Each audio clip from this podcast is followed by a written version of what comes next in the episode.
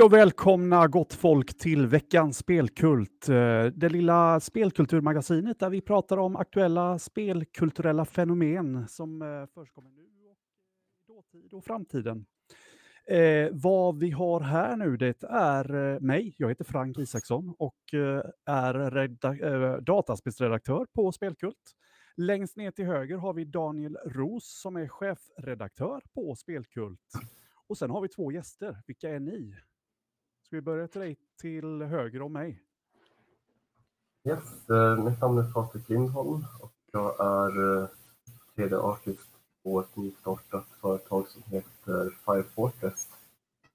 Härligt. Välkommen. Och längst ner under mig här har vi Johan Sundqvist, eh, lead game designer på Fire Fortress. Härligt. Välkomna.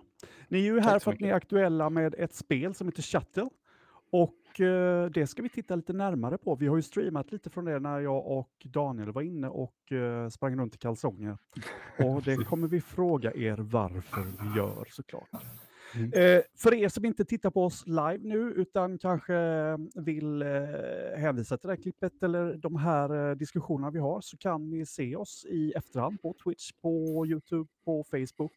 Ni kan också lyssna på oss på Discord, nej inte på Discord, på ehm, alla ställen där man brukar eh, lyssna på podcast. Eh, Spotify bland annat.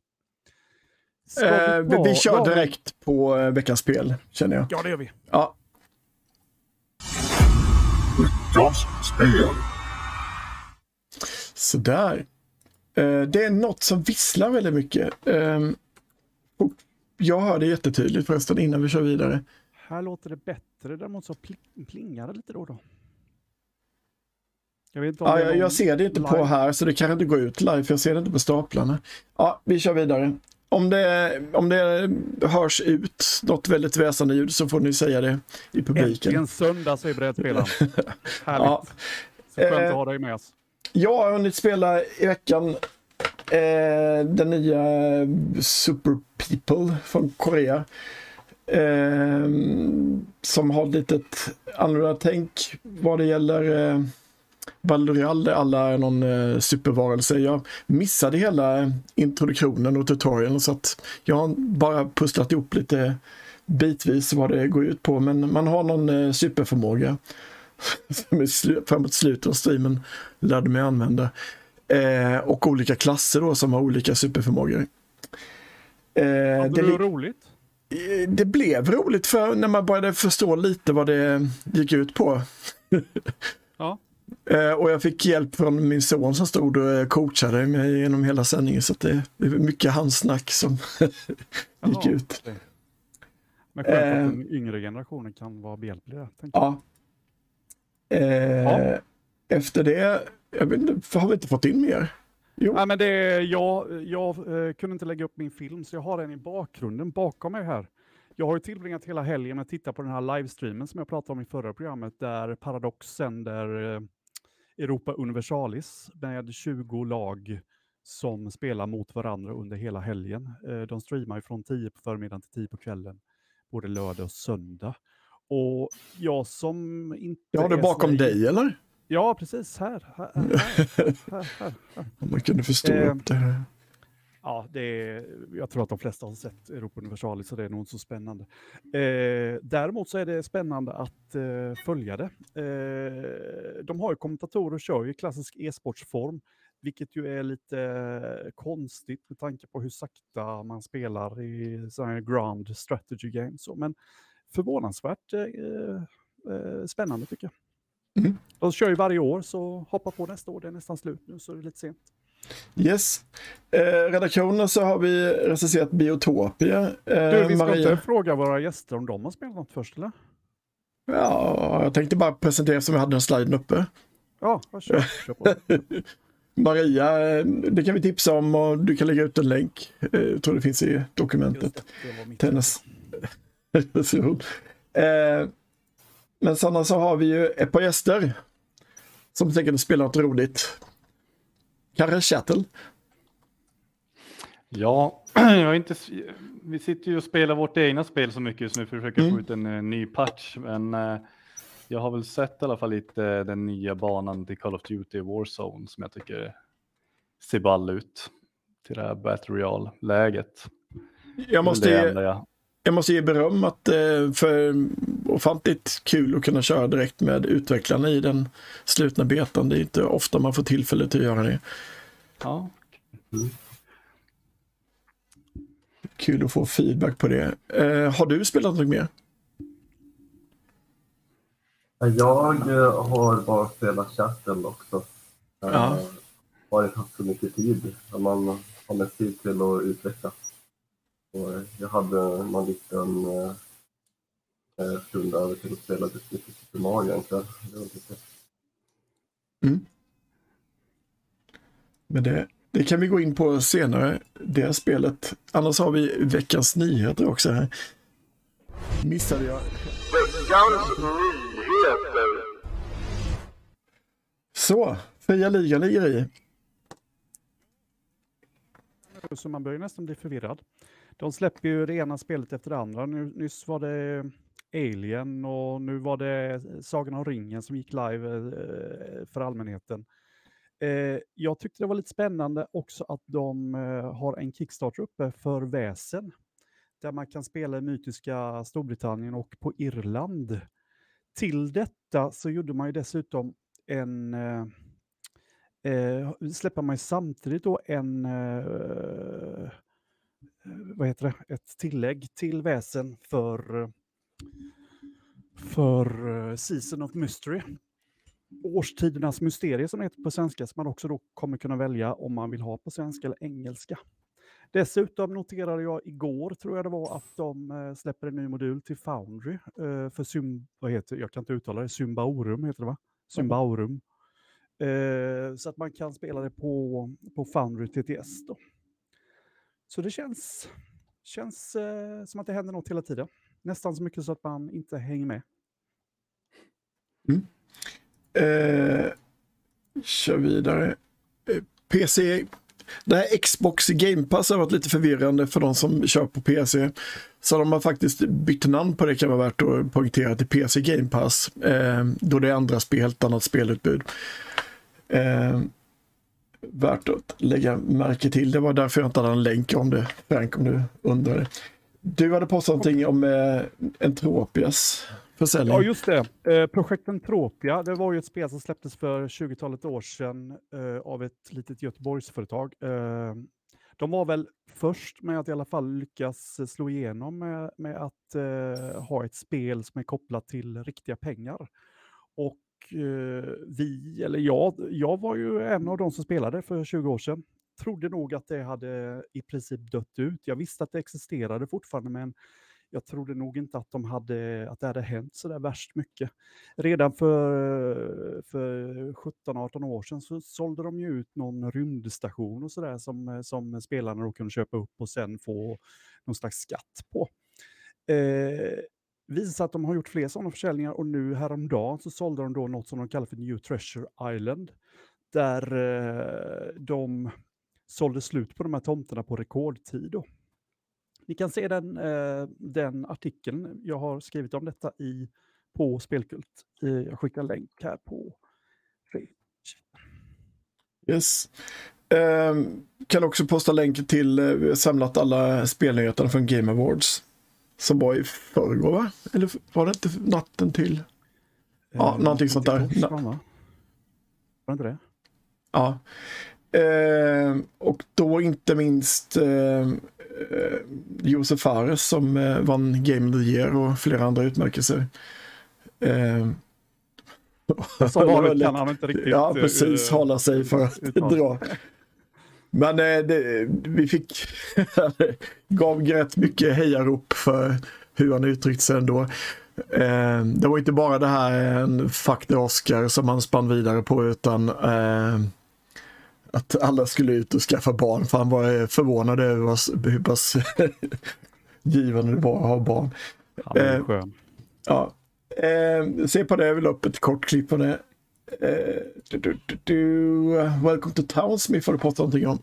Ja, ehm, jag skrev en artikel om det också. Det är ju ett 3D-printverktyg från början som eh, hade Kickstarter för något år sedan. Eh, väldigt lyckad sådan. Det är ett tyskt litet gäng som har utvecklat den här där man kan göra små 3D-modeller. De har nu uppgraderat det här verktyget till eh, version 2. En uppgradering som då är gratis för de som har köpt eh, den här, det här verktyget sedan innan. Men de har den nu i en öppen beta i det närmsta. Jag vet inte hur länge den är öppen beta, så jag föreslår att ni följer länken jag postar och eh, kollar på det om ni är intresserade. Yes. Eh, Activision eh, fortsätter slå nya rekord i eh, arbetarfientlighet. Eller, ja. De går ut med ett e-mail om att eh, uppmana sina anställda att inte organisera sig fackligt. Det är flera Det är medier som rapporterat. otroligt. Nu har inte jag läst eh, den artikeln, men eh, det känns ju helt ja, barockt. Det är väl Ja. det ordet jag kommer på. Eh, Vad säger ni som är spelutvecklare? Vad, Ja, vad tyckte ni om, eh, om, eh, eh, om en sån här grej? Jag har inte läst artikeln där, men jag tycker det låter förfärligt. Att, eh, Ja. ja, det låter inte bra alls. Det låter som en rätt dålig arbetsplats faktiskt. Eh, håller med? Det, det är inte ovanligt att man i USA uppmanar mot facklig verksamhet, men eh, det med tanke på isberget som har byggts upp just för Activision, Blizzard under det gångna året så är kanske inte det här de behö- behövde nu. Att Men alltså- åtgärda den soppan. När, när jag sa att jag tycker det är barockt, liksom, alltså det, det kampen för arbetsrätten har ju, liksom, har ju varit ganska blodig, ganska aggressiv eh, i historiens begynnelse. Men det, man, det känns som att man borde vara förbi det. Att, att det borde liksom, vi borde ha lärt oss att liksom viss grundläggande rättighet bör arbetarna ha för att de ska vilja stanna på en arbetsplats. Och som vi har varit inne på i den här podden ganska många gånger tidigare, att man vill man ha ett bestående företag som klarar av att stå sig i konkurrensen om spelutvecklare, då behöver man också ha ganska schyssta förhållanden. Och det här är ju bara av, som sagt, jag har inte läst just den här artikeln, men just den trenden som är nu, framförallt i amerikanska företag, är ju ganska eh, läskig, tycker jag. Mm. Det är ingen som vågar säga emot mig. det kanske ingen som behöver säga emot det. Nej. Eh, Det hade varit roligt i och för sig om någon bara nej. Du har lagt ut ett par trailers, kan jag köra igång båda två här? Ja, du kan köra båda samtidigt för det är inga jättenyheter. Det är ju eh, City Skylines, eh, ett av mina favoritspel faktiskt, som ett av de här som jag återgår till eh, då och då. De gjorde nyhet på häromdagen, att, eh, ja, igår tror jag det var, att de släpper en ny, eh, en ny, eh, eh ett nytt tillägg till eh, City Skylines där man kan detaljstyra sin eh, flygplats och få det att integreras med sin stad ganska väl.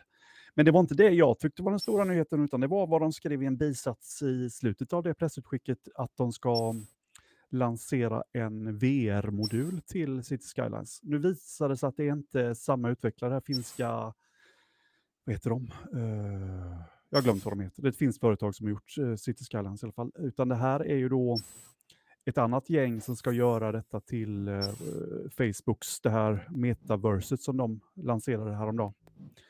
Eh, jag frågar mig dock varför. Varför ska man spela sådana här strategispel eller stadsbyggarsimulatorer i VR? Jag förstår inte riktigt. Jag är annars för VR i många sammanhang, men just den här genren är väl den sista jag skulle vilja spela just i VR. Jag tror Eller? inte att det blir, jag har ju själv jobbat med VR och jag, när jag såg trailern för det där så tänkte jag att det där är ju riktigt bra, just att man får känslan av att se lite som att bygga modelljärnväg. Mm. Eh, jag tror att det kommer att locka mycket av de typerna av personer som bygger modeller och landskap. Och, för jag, I min värld så tror jag att, ja, men jag tänkte just de på, som håller på med modelljärnväg, att bygga upp ett väldigt avancerat järnvägssystem i en storstad och kunna gå, in, gå ner och känna på den som är händerna. Det, det, det tror jag kan bli faktiskt funka rätt bra i VR. Ja, men jag tror det också. Och kanske det här med att åka runt i en taxi eller en buss och, och se vad man har gjort för alster. Ja. Det, den delen köper jag. Men eh, det kan du ju nästan göra idag med genom att du trycker på en eh, invånare och följer den genom stan på vägen till jobbet eller eh, vad det nu tar för väg till jobbet. Liksom.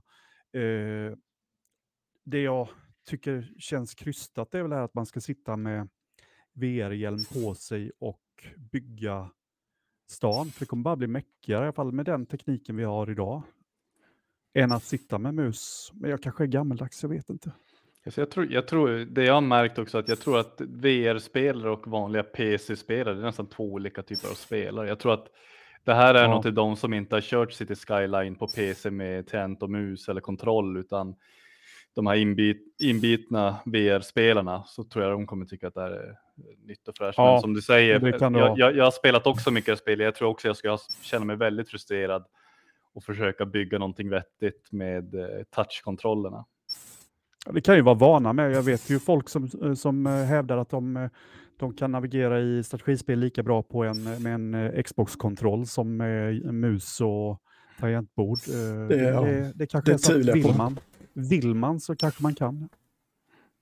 Mm. Men jag känner mig för gammal för att hålla på med det i alla fall.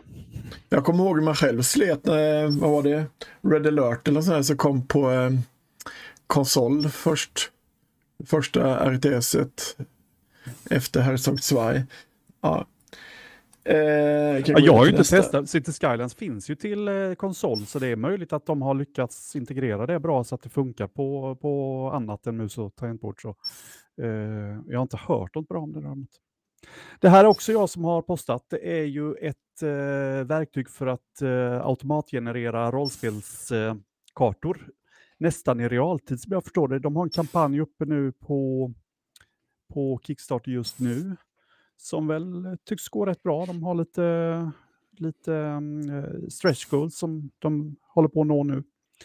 Eh, ser spännande ut just för att den, den verkar som att man kan eh, regenerera rum och skapa saker on the fly medan man spelar.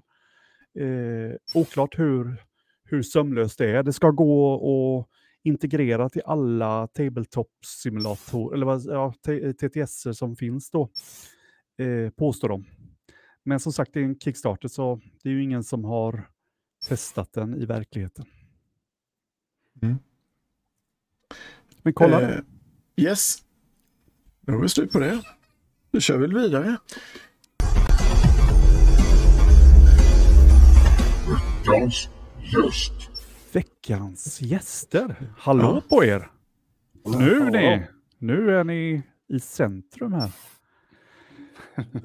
eh, ni fick ju presentera er lite kort innan och jag fyllde på med att ni har, eh, har eh, skapat ett spel som heter Shuttle. Men skulle ni för tittarna då som inte är bekanta med er kunna ge oss hisspitchen? Vad är det som är Shuttle? Ja, nej, men Shuttle, det är ju, ett, jag skulle säga ett mer Oj, det blir du. fast-paced, eh, ett fast-paced eh, survival-spel som har lite det här Battle Royale-känslan, men jag skulle inte kalla det ett Battle Royale. Eh, det går ut på egentligen att ehm, på ungefär en 20 minuters match så ska du lota ihop nog mycket gear och crafta ihop nog mycket vapen och hitta vapen för att överleva tre stycken bombräder. Eh, och under de här bombräderna så måste alla spelare på servern trängas ner i, i en yta som är skyddsrum. Då. Så det är lite inspirerat av svenska skyddsrum. Så istället för att den här äh, ringen blir mindre i ett Battle Royale så trycker vi ner alla spelare i källaren under en kort tid. Eh, och de som överlever och tar sig till utrymningsbussen vinner matchen. Så att eh, det är väl hisspitchen för, för Seattle. Måste visa den här eh, oerhört snygga teasern ni gjorde inför la- pre-alfa-lanseringen. Eh, så vi kan låta den Ja, gå det på i det fick ju bakgrunden. oss högt i alla fall. Ja, Ja, kul. Tyckte ni det var Och- kul att prova spela? Ja, men alltså, Oh, ja. jag tyckte det var jätteroligt därför att, eh, men samtidigt lite läskigt som jag sa, både när vi, när vi eh, kommenterade trailern i eh, ett av de här programmen, men också när vi spelade, att jag tyckte det var lite läskigt, för det kändes lite som att eh, verkligheten kommer in på. Mm. Eh, man hamnar i ett eh, förortskvarter kvarter som skulle kunna vara kvarteret man växte upp i när man var liten, liksom. även om det inte är exakt liksom så. Men, man, ja, men det ja det, är, det är verkligen miljö man har mer relation till än de här tidigare Battle Royale-spelen i alla fall. Så man kan leva sig in i det betydligt bättre. Det är någonting som skulle kunna inträffat där, känner man på, i alla fall som man hade bilden på 70-talet. Men när, när, vi spelade, då, då vaknade vi kalsonger och sprang runt i kallingar rätt ja. länge. Så vad, vad är grejen med det undrade alla våra tittare. ja men det, det var ju någon som kommenterade, jag vet inte om det var utvecklare andra spelare som kallade mig för kalsongmannen till slut. För det tog så lång tid för oss att hitta prylar, inte ens kläder. Så att det, mm. han oftast dö långt innan vi fick på oss kläder. Ja, grejen är ju att eh, tanken är liksom att man vaknar lite yrvaken utav det här bomblarmet. Eh, och eh, som, eh, då är bomberna på väg och man måste liksom skynda sig och hitta kläder och hitta loot och hitta mat. Eh, och vår förhoppning var väl lite att eh, eh, i början av varje match ska det vara lite så här kaos, att folk har bara ruckat ner i källaren. Eh, på. Och det, det har vi också märkt att det blev med, eh, med många spelare.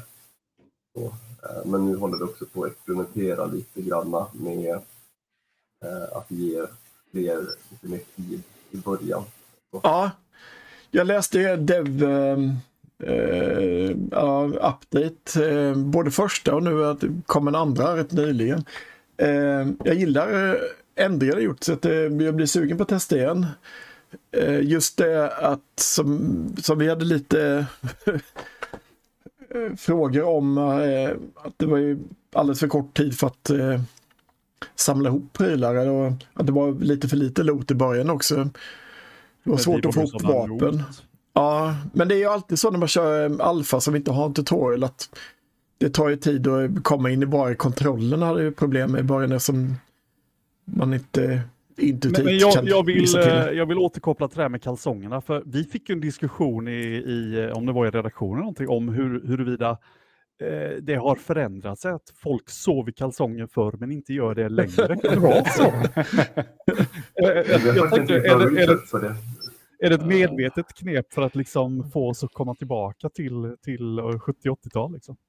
Nej, men jag, jag skulle säga egentligen det det handlar om är att jag har spelat mycket DayZ och liknande, men uh. nu när man har blivit förälder så har inte jag tid att sitta och spela så långa matcher och, och bygga ihop lot och, och köra igång det spelet nu. Då står jag där i t-shirt och så är det någon som har bytt upp lot i tre månader som skjuter mig och då jag känner jag att jag har inte tid med det här spelet. Det som är tanken med chat är att alla varje match börjar på samma förutsättning. Att det är ingen som har sparat sin lot, att man börjar i underkläderna och sen får alla ja, men samma förutsättningar att bygga upp sin lot under den matchen. Um, så att, sen kanske det är väl lite, vi gillar väl det, vi har väl garvat rätt mycket åt det här Speedos kalsonger, att det är väl lite 70-tal. Och, ja, ja. I front. Ja. Ja. ja, jag tyckte om det, verkligen. Men, men eh, man, man, man, startar ju här nu i den här miljön och det är någon slags krig, det fattar man ju ganska uppenbart. Men vad är bakgrundsstory? Vem, vem är det som krigar med oss? Och vem är det som skickar de här förnödenheterna? Och vem är det som skickar bussen? Vart, vart, mm. vart ska man? Jag, jag, är ju otroligt historieintresserad eh, och eh, Kärtel är byggt egentligen på den svenska utrymningsplanen som fanns under kalla kriget. Eh, vi har ju haft mest skyddsrum i världen efter Schweiz per, per capita. Eh, och de skyddsrummen har ju aldrig använts, utan de står ju där. Jag tror vi har 65 000 oanvända skyddsrum som idag står som cykelförråd och ja, eh, föreningslokal och liknande. Och det är väl där det har funnits någon nerv i mig att men, ja, vi har ju Hesa Fredrik eh, då och då måndagar 15.00. Men jag tänker, vad händer om vi hör den torsdag 19.00?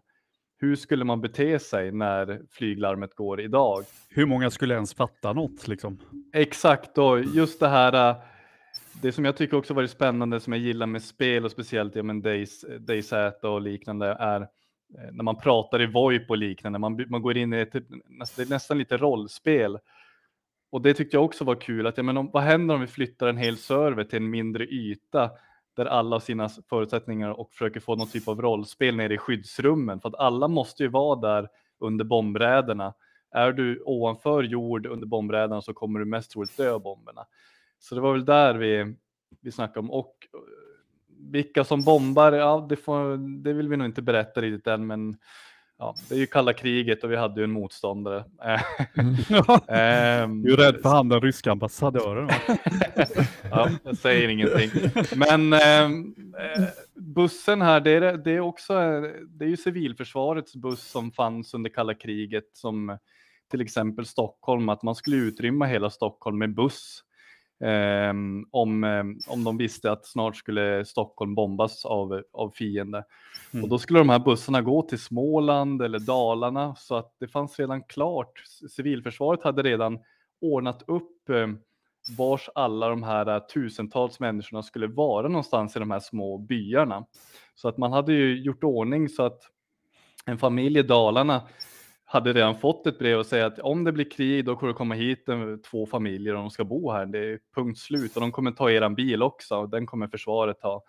Skolor och föreningslokaler och liknande också skulle bli stora sovsalar och liknande. Så att det är den här bussen då. Det är faktiskt en, en verklig förankring till det, det svenska civilförsvaret som en gång fanns.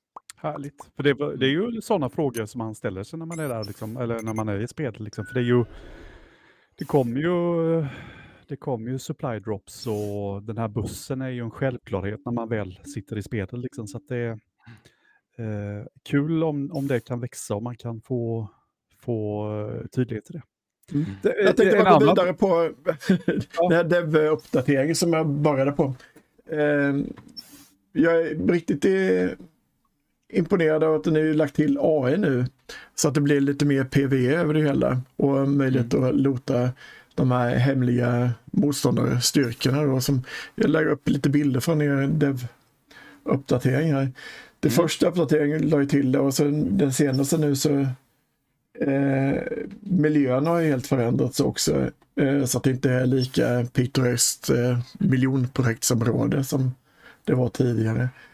Eh, jag tror det kommer bli mycket mer stämningsfullt. Eh, och ni hade lagt upp en, en video också. Ska vi köra den direkt eller hade du någon mer fråga Frank? Jag eh, ska bara kommentera att eh, Andreas Öggesjö han eh, eh, hängde på där om att man ser de här skyddsrumsskyltarna eh, överallt i större städer. Och brädspel, han säger att eh, Myndigheten för samhällsberedskap har en skyddsrumskarta som är intressant. Att det är ett mm. gytter över hela landet av skyddsrum. Mm. Eh, jag hade en fråga och det var, är det något speciellt ställe som har eh, inspirerat er? Eh, det här kvarteret man spelar i under pre-alfan.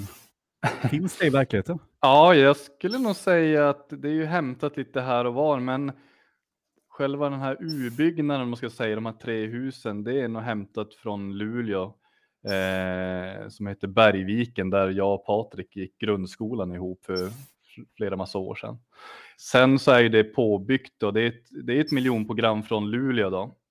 Men sen har vi använt mycket från Tensta, eh, ja men mer mot södra Sverige, eh, små områden, alltså som den här um, innebandyplanen och små parker och sånt där. Så att det är ju inte en norrländsk miljö, men själva husen är, det är nästan en kopia av de här från Bergviken.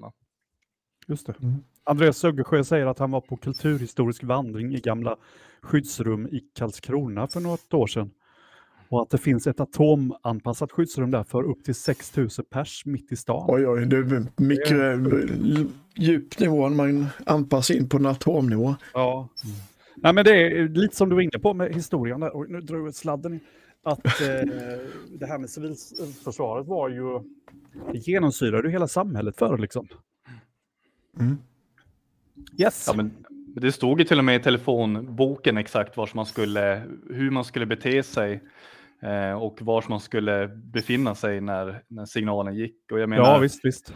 Alla, de håller på att bygga upp det igen, men all, många av de vuxna visste ju också vad man skulle göra. Om man inte var med i försvaret så skulle man ju in i bilkåren eller civilförsvaret. Man hade ju sin uppgift och många företag var ju också hade en krigssymbol ehm, på sig, ett krigsföretag så att de skulle ställa om sin verksamhet. Så att vi var ju verkligen beredda på det stora kriget. Ja, det är långt ifrån dagens verklighet. Mm. Ni hade någon exklusiv eh, trailer eller en filmklipp från eh, det nya uppdateringen. Det något speciellt det ska visa? Det är fyra minuter långt. Nej, jag tänker bara att eh, det är ju bara filmat nu från Editorn i, i, härifrån i eftermiddag, men man får se lite hur AI beter sig. Ah. Ehm, Ska jag spola fram någonstans? ja, det kommer nog rätt snart där tror jag. Okej. Men så här får man ju också se lite hur man lotar. Eh, vi har ju försökt göra lotningen betydligt enklare också nu. Ja, det uppskattas. Det var Ja. väl det jag reagerade på snabbast, att det var svårt att föra Ja. över och framförallt stänga. Så där Eh. ser man ju nu AI, han kommer in där och patrullerar. eh, och fixar in på men- Stämningsfullt. Så de går ju som och letar den och mm. Ja. ja, det tillför ju en helt ny dimension till spelet faktiskt. Ja, men det vi kände var att vi hade lite svårt nu när vi släppte pre-alfan att få alla spelare samtidigt på en match. Det var väldigt utspritt så att det var oftast två spelare, fem spelare inne. Och spelet som det var byggt innan AI var ju att det skulle vara 25 spelare eller ja, men kring 12 spelare, då började det som bli en match.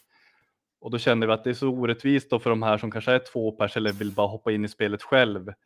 Eh, att de ändå ska få någon typ av känsla vad Chattel är och då kände vi att det var nödvändigt att lägga in AI då. Ja. Så man kan sätta igång det som ensam nu också? Spelet. Ja, Mm, Ja, precis okej. funkar. Mm. Kul. Ehm, Vad har, vad har ni för framtidstankar kring det nu? Liksom? Vad, vad, är, vad är på tapeten? ja men Patrik kanske du vill berätta lite vad vi har på, på G här längre fram. Ja, nej, men vi har väl eh, fler banor för det första eh, Mm. som vi har planerat. Eh, men först av allt vill vi ta den här banan så bra den bara kan. Eh, så eh, det är väl det, men vi har ju också ändrat den flera varv. Alltså vi har gått från glada 70-talet med liksom starka färger och och, och så. För att vi ville sticka ut från alla de här eh, eh, sönderbombade banorna i alla spel. Men vi har eh, pushat eh, modet det här spelet till lite mörkare hållet. Mm. Eh, och Sen- sen har- vi, ja, vi, vi får väl se liksom, eh, hur långt vi kommer i det. För vi har väl lite kvar i den riktningen fortfarande på den här banan. Innan vi börjar på nästa bana. Det, vi som, det vi kände var att vi ville göra det tydligare att ett krig pågår. Jag tror inte det gick, riktigt framgick i de, den bilden som ligger ute nu. Att varför, varför börjar det falla bomber helt plötsligt från himlen?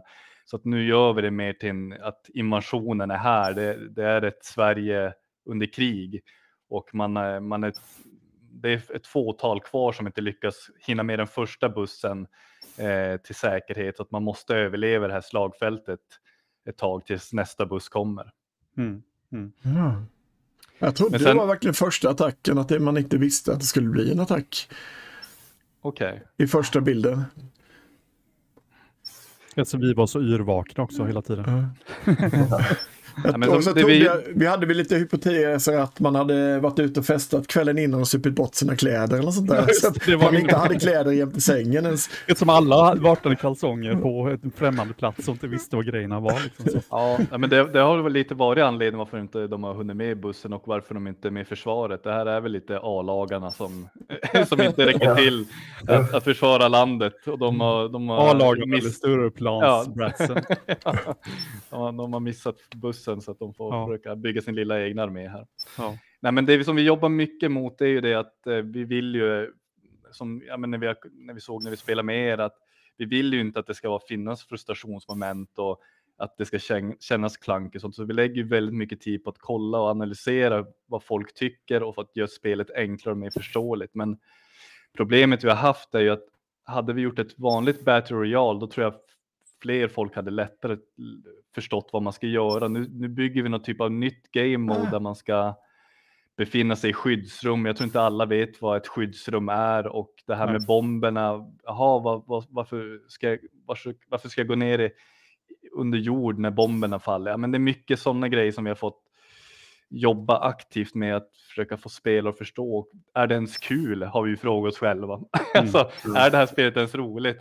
Ja, det, Men så, vad har ni för backup? Liksom? Dels vad, vad har ni för bakgrund innan? Är det, har ni gjort andra spel innan detta? Och, och vad har ni, har ni någon slags förlag som backar upp er nu och hjälper er nå ut eller sådär? Vi fick ju pressrelease. Berätta lite om vad ni har för ramar. Och det här Fem Fortress också, eller Five Fortress. Grundade sig för det här spelet eller?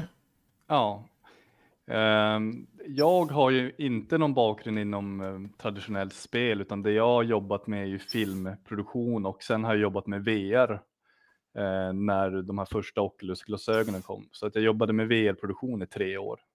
Och gjorde dels Jobbade, ja, förlåt. Jag gjorde dels museumupplevelser där man fick eh, besöka, åka 500 år tillbaka i tiden i Sverige, så byggde vi upp fotoskannade miljöer och liknande sånt där. Och sen gjorde vi också lite mer eh, upplevelser som, eh, som man kunde köpa på Oculus Store. Man kunde uppleva dagen D ett, eh, i Normandie och åka de här luftlandsättningen. Och de, de, de licenserna skickade vi också ut så de fanns i shoppingcenter i Sydkorea så man kunde sitta som en simulator och få åka där flygplan och sånt. Så att det är min spelbakgrund av spelmotorer sedan tidigare.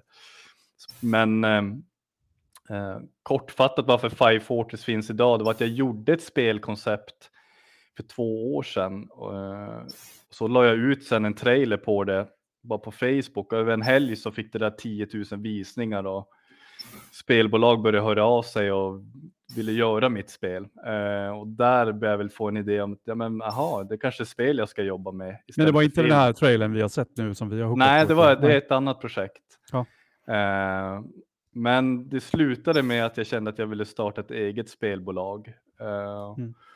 Och då hade jag den här idén också i bakhuvudet och då kontaktade jag dels Patrik och två andra och sa att ja, den här idén har jag och så var det corona, mycket restriktioner, mycket isolering, det gick inte göra så mycket på kvällarna så vi satt mycket kvällar eh, och började utveckla det här spelet. Då. När Så började ni, är, det? ni är fyra stycken som jobbar med det?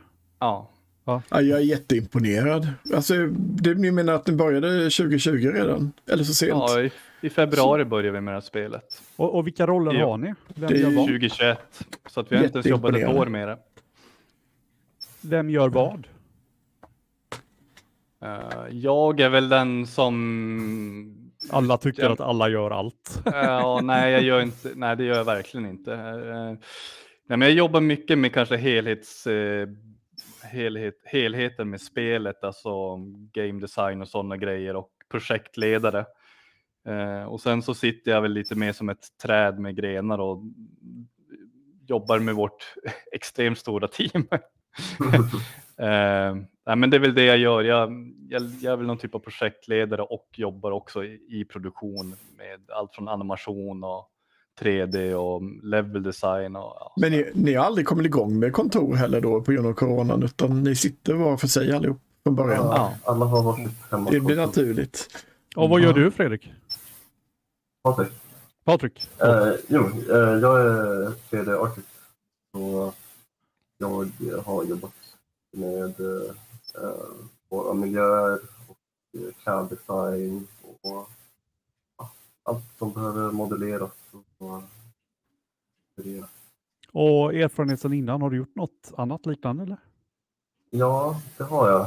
Um, alltså, både jag och Johan har ju hållit på med mycket animation sedan vi var små. Sen hoppade jag vidare och höll på att göra eh, 2D-spel i Flash och sånt där. Och, och höll jag på med eget i Unity också. Och, eh, pluggade spel bara. Sen, eh, sen har jag inte jobbat med spel på den här nivån förrän nu, utan jag har jobbat mer med 3D inom marketing och sånt där. Mm. Men jag har alltid utvecklat spel som en hobby. Eh, Men ja, målet var ju alltid att eh, kunna jobba med det professionellt. Måste kännas bra också nu att ha fått ut en eh, pre-alpha så man liksom kan börja Ja, få lite, få lite reaktioner liksom. Ja, och sen just att vi är ju, vi har ju valt en lite annorlunda väg, att vi, vi är ju vår egna publisher tillsammans med ett samarbete med Aurora Punks och Cold Pixel. Ehm, så att vi, vi gör ju det här lite, lite annorlunda jämfört med andra, andra spelutvecklare. Är det, är det personer som finns i trakten hos er också då eller? Ehm, Eller är de utspridda i världen? eh, vilka då? Eh, Coolpixel och Aurora? Eh, oj, bra fråga. Eh, Sven, ja, det, det kan jag inte svara på, men jag vet att de finns i hela Sverige i alla fall. Ja, okej. Ja. Men ehm, ja, men det, det, det vi har känt också att det här första spelet, vi vill, vi vill själv gå på de här minerna. Eh, vi vill inte ha för mycket. Vi har erfarna också delägare som har jobbat med spel hela sina liv som vi har i, i ryggen. Som vi får värdefull, värdefulla tips och strategier av. Men de, de låter oss också gå på de här minerna och gör de här misstagen. För jag tror att det är nästan rätt sätt, eller ja, jag tror det är rätt sätt att bygga ett företag långsiktigt är att också bygga sina egna erfarenheter än att bara höra vad andra har haft för erfarenhet. Att nej, men så där ska ni inte göra för det funkar inte. Utan det är lättare om vi har gjort någonting och sagt, ja men det där gör vi inte om, för det, det funkar inte alls. Kan, kan ni Eh, nämna någon sån ja. grej liksom, som ni verkligen önskar att ni hade sluppit gå i det hålet? Liksom? Fast de, nu sa jag att han ville ha gått i det hålet. Jo, Vad men är det kan- erfarenheten ni har Det kanske är något hål som man ändå hade önskat att man hoppade över. Liksom. Ja, men jag tror mycket visar den första bilden här. Vi är inte nöjda med hur eh, releasen blev. Eh, för att, eh, att folk hade så svårt att förstå spelet Mm. eh, och förstå grejer med det. Eh, så där tror jag att vi krång... Ja, men vi ville vara, vi, vi kanske var lite för originella och lite för unika eh, på, på stil och spel, game mode. Och det blev att folk tyckte det var för krångligt. Eh, Mm. Så det känner vi väl att okej, vi måste nog börja likna de andra spelen lite mer Mm. för att eh, locka eh, en större antal spelare. Eh, så att det, är väl den största minan vi känner vi har gått på nu och det är väl det vi har jobbat nu i tre veckor rätt hårt med att försöka justera dem.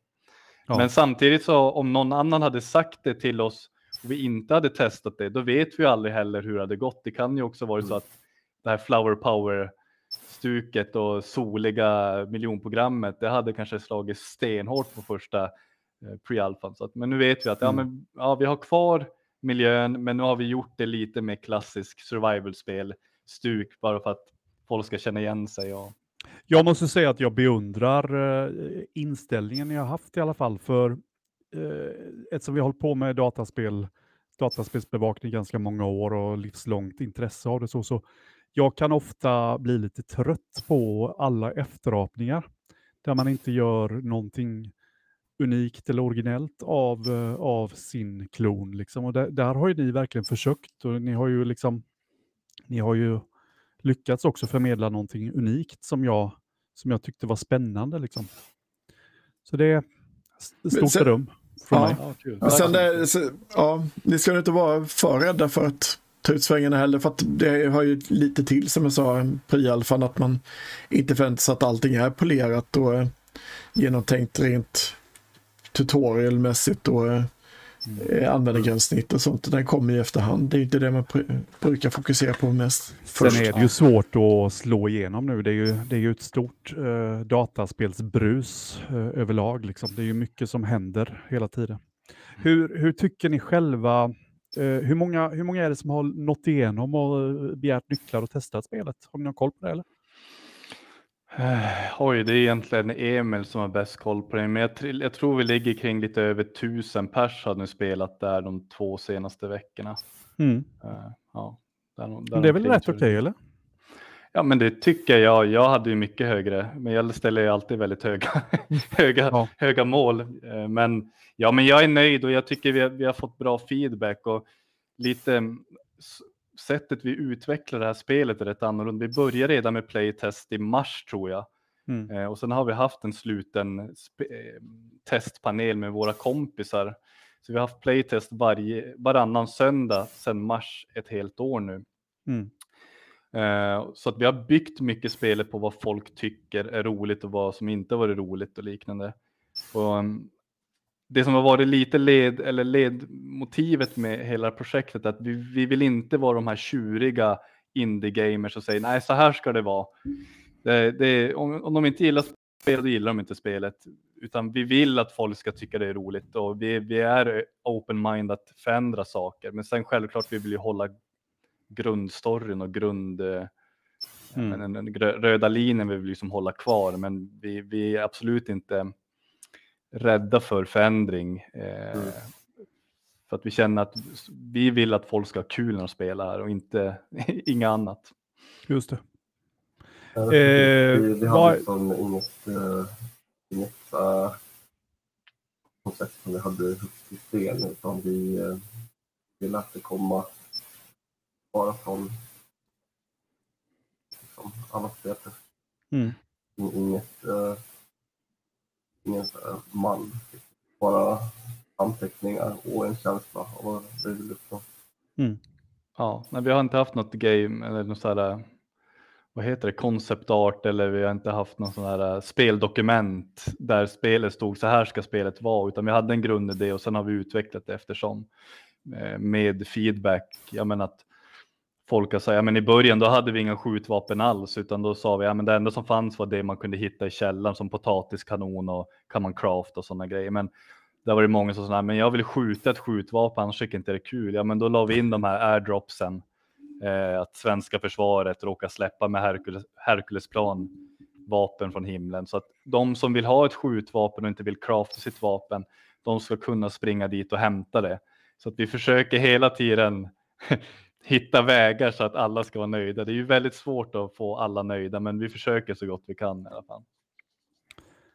Och, gå den vägen. ja, men det tänker jag också. Och sen kan det vara rätt skönt också att inte ha massa konceptart och massa luften till spelarna. Det, det kan ju Daniel under, underteckna. Han har ju gått på den här hypen med det här rymdspelet, eh, Star Citizens. Eh, Ja, det är väl inte problemet med concept art, men jag antar att det menar så här grafisk profil och så. Men det, Nej, men, över, Men, eh, överhuvudtaget spel där man lovar guld och Ja. gröna skogar och så aldrig hinner eller har resurser att leverera. Liksom. Eh, Då Ja. kan det vara befriande att gå andra vägen, tänker jag. det ena förutsätter inte det andra. Men Hur, Eh, jag- om, man, om man vill testa spelet, var, var hittar man det? Går det fortfarande att få tag på nycklar? Ja, man behöver inte ens en nyckel utan eh, Oj. man, man söker på Chattel på Steam och sen så ansöker man till vår playtest-kampanj. det. det har vi en länk till i dokumentet. kan du lägga ut det, Henrik. Eh, längst ner. Då har vi datum vi eh, som vi går ut med på Steam när vi Så kan ni få vara med och spela med redaktionen också. För att vi måste ju testa på den här nya bilden, helt klart. Ja, verkligen. Eh, Ja, för, vad är det som är nytt nu? För några av våra tittare har ju sett oss spela. Eh, kan ni beskriva, för nu hänvisade Daniel till att ni hade gjort uppdateringar. Kan ni beskriva vad de stora uppdateringarna är? Ja, den största gameplaymässigt är att du inte behöver ett magasin längre till vapnet, utan du Mm. behöver bara hitta ett skjutvapen och skott. Så att vi har tagit bort det här böket med att du måste hitta ett magasin som passar vapnet, sen dra in rätt ammunition i magasinet och sen in i vapnet. Eh, och det, det finns ju spel som har det, Tarkov bland annat och Arma och sådär. Men vi kände att det, var, det är för många som står där med ett vapen och så hör man bara klick, klick, klick. Och det, så det, har vi, det har vi börjat jobba med nu, så det, det finns en första version av det kodmässigt i bilden. Sen är det ju då AI eh, som kommer patrullera här i miljön. Eh, och de kommer även skjuta på dig om, du, om de ser dig. Och de kan höra fotsteg och de kan söka av miljön. Eh, och de, kan man, de, de fiender kan man även lota om man lyckas få ner dem. Mm. Eh, sen är det ju en ny version av Bergbyn, eh, kartan här som är, nu utspelar sig en dimmig natt. Och det är mer krigshärjat, eh, mycket mer covers, alltså det finns mycket mer ställen att gömma sig på på innergården, finns mer eh, objekt att gömma sig bakom när man skjuter och liknande, inte lika öppet längre. Eh, så det ska jag väl säga är de största. Ja, och sen hoppas vi också på att lyckas ändra koden så att det behövs bara en person för att starta en match. Nu behöver man vara minst två personer för att starta en match i chatten. Just det. Mm. Ja, det är klart, det finns ju anledning till det nu med, med med bottarna då liksom.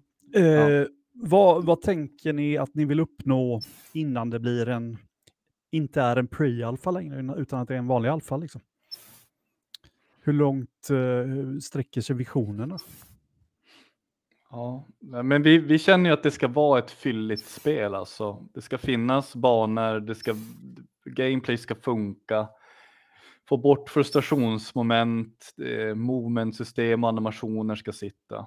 Eh, ett, ett, ett fylligt spel ska det vara helt enkelt. Eh, Jag tror inte vi har satt någon gräns för oss själva heller. Utan vi eh, kommer hela tiden få nya roliga idéer. Just det. Sen får vi se hur tid och resurser vi har för att sätta in det. Men, men så länge vi kan förbättra spelet så mm. In, innebär det att man inte kan dra ur er någon tidsplan heller vad ni, vad ni tänker att när det blir lite mer färdigt spel liksom? Nej, vi, jag vågar nog inte låna exakt datum, men vi siktar ju om, om, om drygt ett år att det ska vara klart spel. Just det. Det var bra. Ja, men det, är väl, det var väl en bra Mm. utfästelse.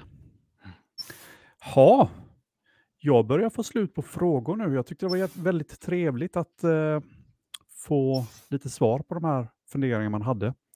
Varför vi springer runt som kalsongjockar och sådär. Eh, det jag väl har glömt att fråga det är var i tiden ligger kvinnliga avatarer? För nu är det bara unga snubbar som springer runt. Mm. Och det, det är absolut, vi, vi hade jättegärna haft, eh, haft eh, kvinnliga avatarer också. Det handlar om att eh, det är ett lågbudgetprojekt och det kostar.